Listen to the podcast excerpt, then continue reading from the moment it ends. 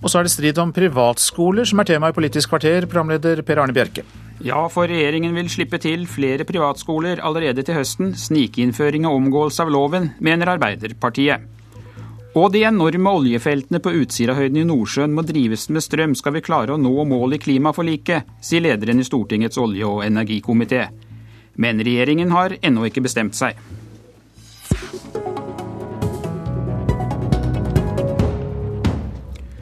Regjeringen vil endre privatskoleloven og gi dispensasjon fra kravet om at skolene må ha et religiøst innhold og et særskilt pedagogisk opplegg.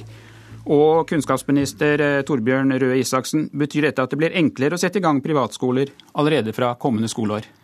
Dette betyr at vi beholder eh, nesten hele eh, den loven som er nå, som vi har hatt de foregående åtte årene. Men så er det én liten åpning vi gir, og det er at, at den loven som er nå, den er veldig styrt. altså Der er det formålet med skolen som avgjør om du får godkjennelse eller ikke. eller for å si sånn, Det er i hvert fall avgjørende for om du skal få. Så det vi sier nå er at Vi innfører en liten og veldig streng dispensasjonsmulighet fra loven. Det skal selvfølgelig behandles i Stortinget på vanlig måte. Som betyr at hvis det er en kokkeskole, en rørleggerskole, et eller annet sånt som har lyst til å søke, så får de en mulighet til å bli vurdert. På samme måte som en privat toppidrettsgymnas med dagens lovverk har en mulighet til å bli vurdert. Leder i utdanningskomiteen på Stortinget, Trond Giske fra Arbeiderpartiet. Du mener ikke at dette er en liten endring, for du reagerer på dette forslaget. Hvorfor det?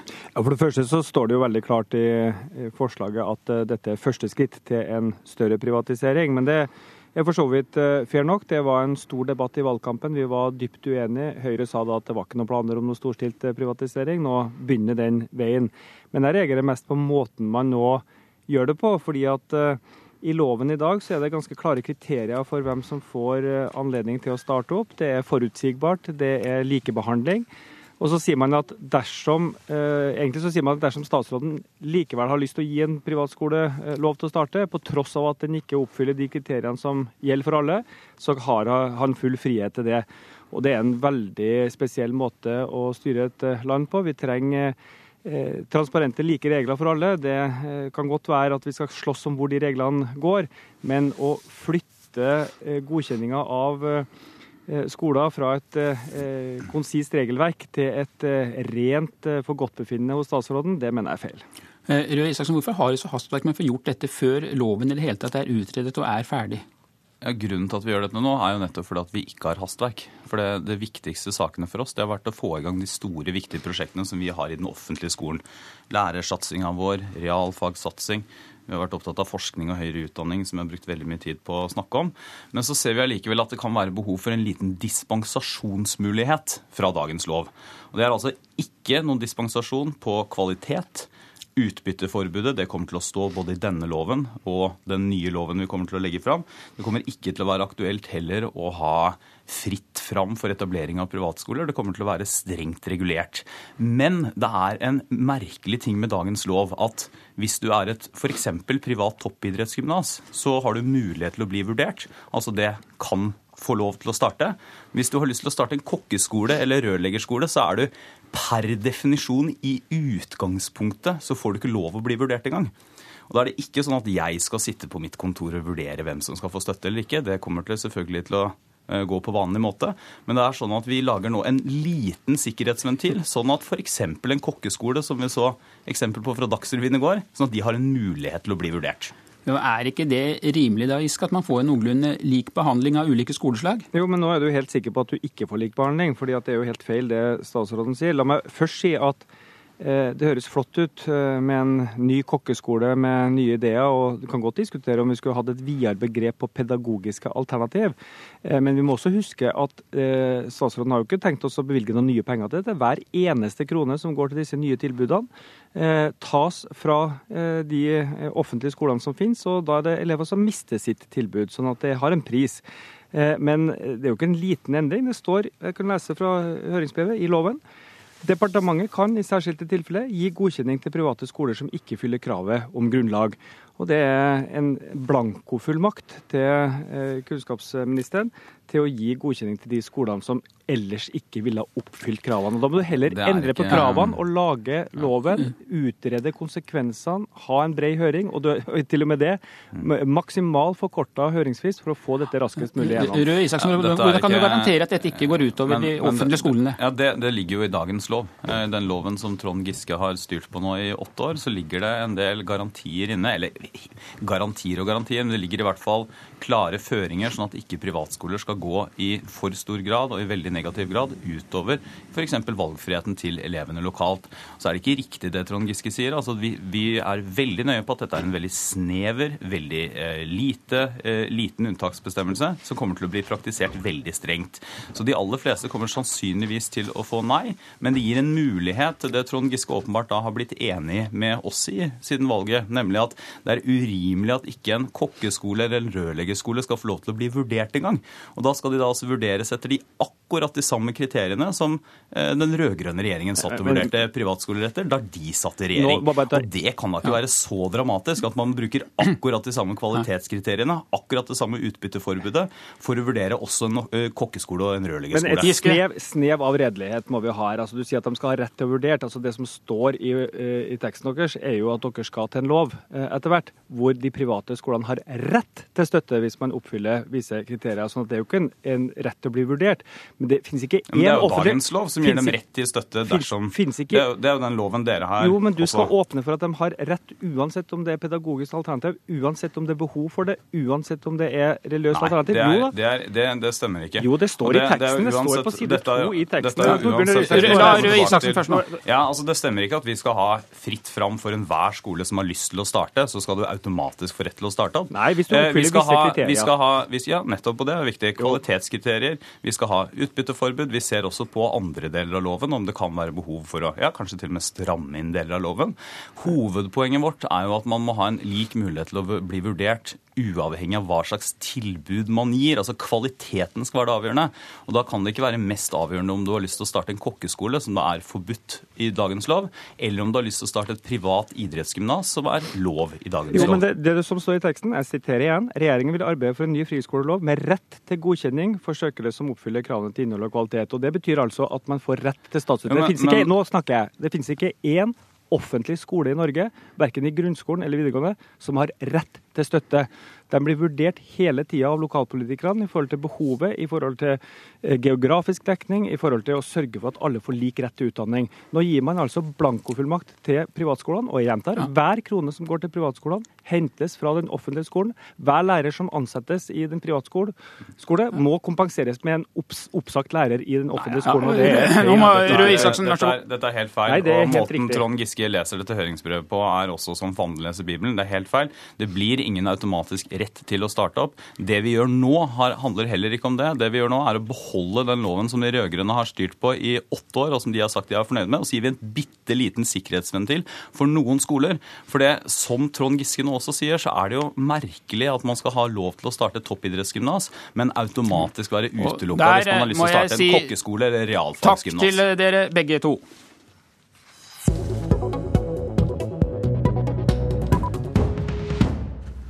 Oljebransjen står foran en omfattende utbygging på Utsirahøyden i Nordsjøen. Johan Sverdrup og de andre feltene i området inneholder noen av de største olje- og gassfunnene som er gjort utenfor norskekysten. Akkurat nå vurderer Statoil og de andre selskapene om gigantfeltet skal drives med elektrisk kraft fra land, eller om den energien som trengs til produksjonen skal komme fra bl.a. gassturbiner med påfølgende store utslipp.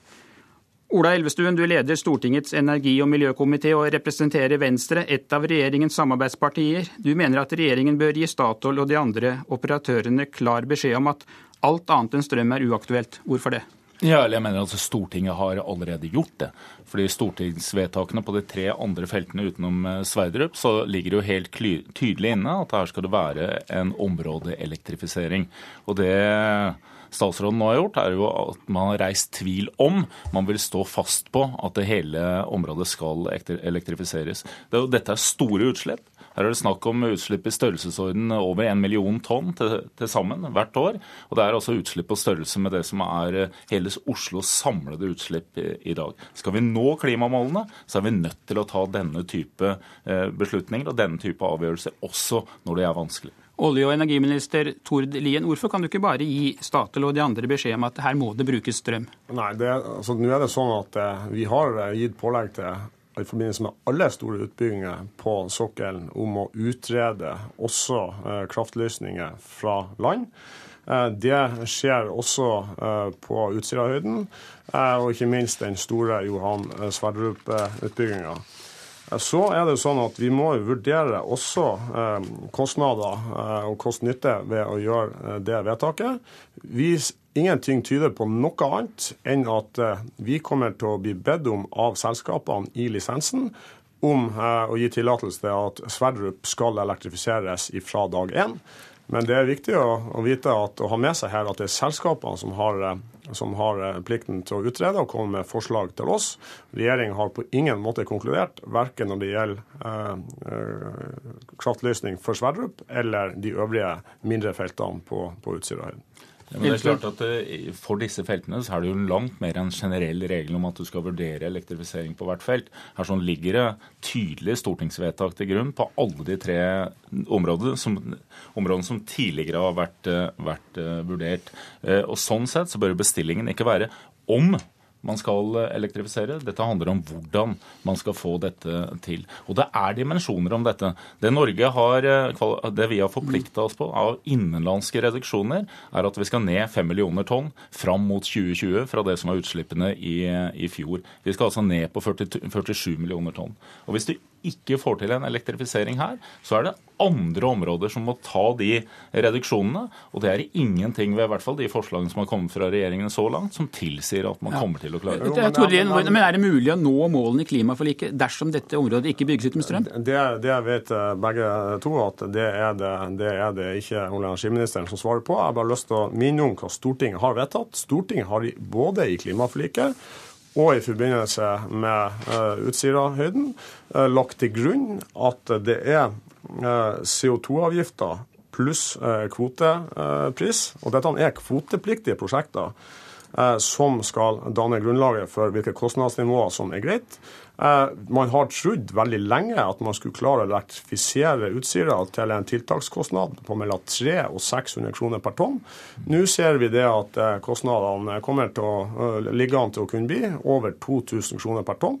Selvfølgelig må vi også hensyn, hensynta den type vurderinger når vi i 2015 skal ta stilling til, til dette spørsmålet. Elvestuen, er det ikke helt nødvendig også å se på kostnadene?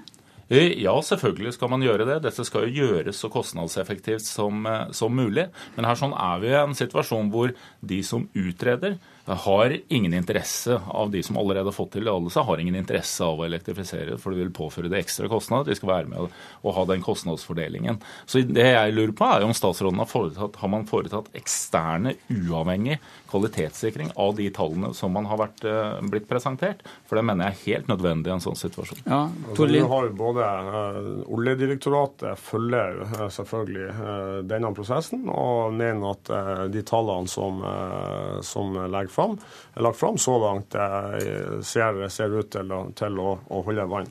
Og så må, så må, vi jo ikke glemme her nå at uh, mesteparten av, av utslippene uh, fra Utsirahøyden uh, vil komme fra, vil, vil, ville ha kommet fra Sverdrup, som alt tyder på blir elektrifisert fra dag én. Det, det, mener jeg vi må også ha med oss ja. i, i, denne debatten. Men Elvestuen, ja. bare spørre deg, Elvestuen, Hvordan kan du være så sikker på at den strømmen som eventuelt skal brukes, ikke kommer fra f.eks. kullkraftverk i Europa? Nei, Vi er jo i ferd også med de grønne sertifikatene som vi har, så er vi jo i ferd med å få et overskudd av, eh, av uh, utslippsfri kraft i dette landet. Så det er klart at her sånn finnes det en kapasitet for å kunne forsyne hele høyden. og Det er snakk om ca. 200 megawatt som det er snakk om å, for å forsyne hele Utsirahøyden. Tordlien? Vi, altså, vi, vi, vi, kommer til å få et, et overskudd på, på, kraft i det skandinaviske markedet i fremtida. Det er helt, er helt riktig. Eh, og, og, da er selvfølgelig en av de tingene vi kan gjøre for å bruke den, og det gjør vi, det er å elektrifisere mer av sokkelen.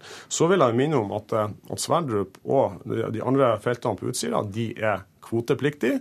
Så det vil si at det vi eventuelt gjør her med å ta de store kostnadene, det er å flytte utslippene til et annet sted i Europa. Det er en dimensjon vi også må ha med oss. Nei, men, men dette, er jo, dette, er jo, felt som skal åpnes nå de nærmeste årene, og de skal være der i mange år framover, eh, framover i tid. Og det er klart at Det europeiske kvotemarkedet, som nå varer fram til 2020, må strammes kraftig inn fra 20, fra 20 til 2030. Og det er klart, Da er det ikke noe, da er det ikke noe ulempe uh, å, å, elektrifisere nå og stille de kravene men, nå.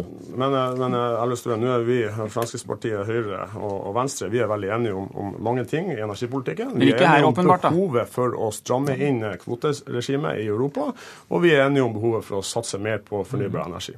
Men du må også kjøre enkeltsakene, så må du ta de riktige beslutningene. Og det er helt klart at det, i samarbeidsavtalen mellom de fire partiene står det helt tydelig at man skal forsterke klimaforliket. Ja. Og det innebærer og at, at, man skal Der fikk du siste ordet, Elvestuen, for nå er Politisk kvarter slutt. Jeg heter Per Arne Bjerke.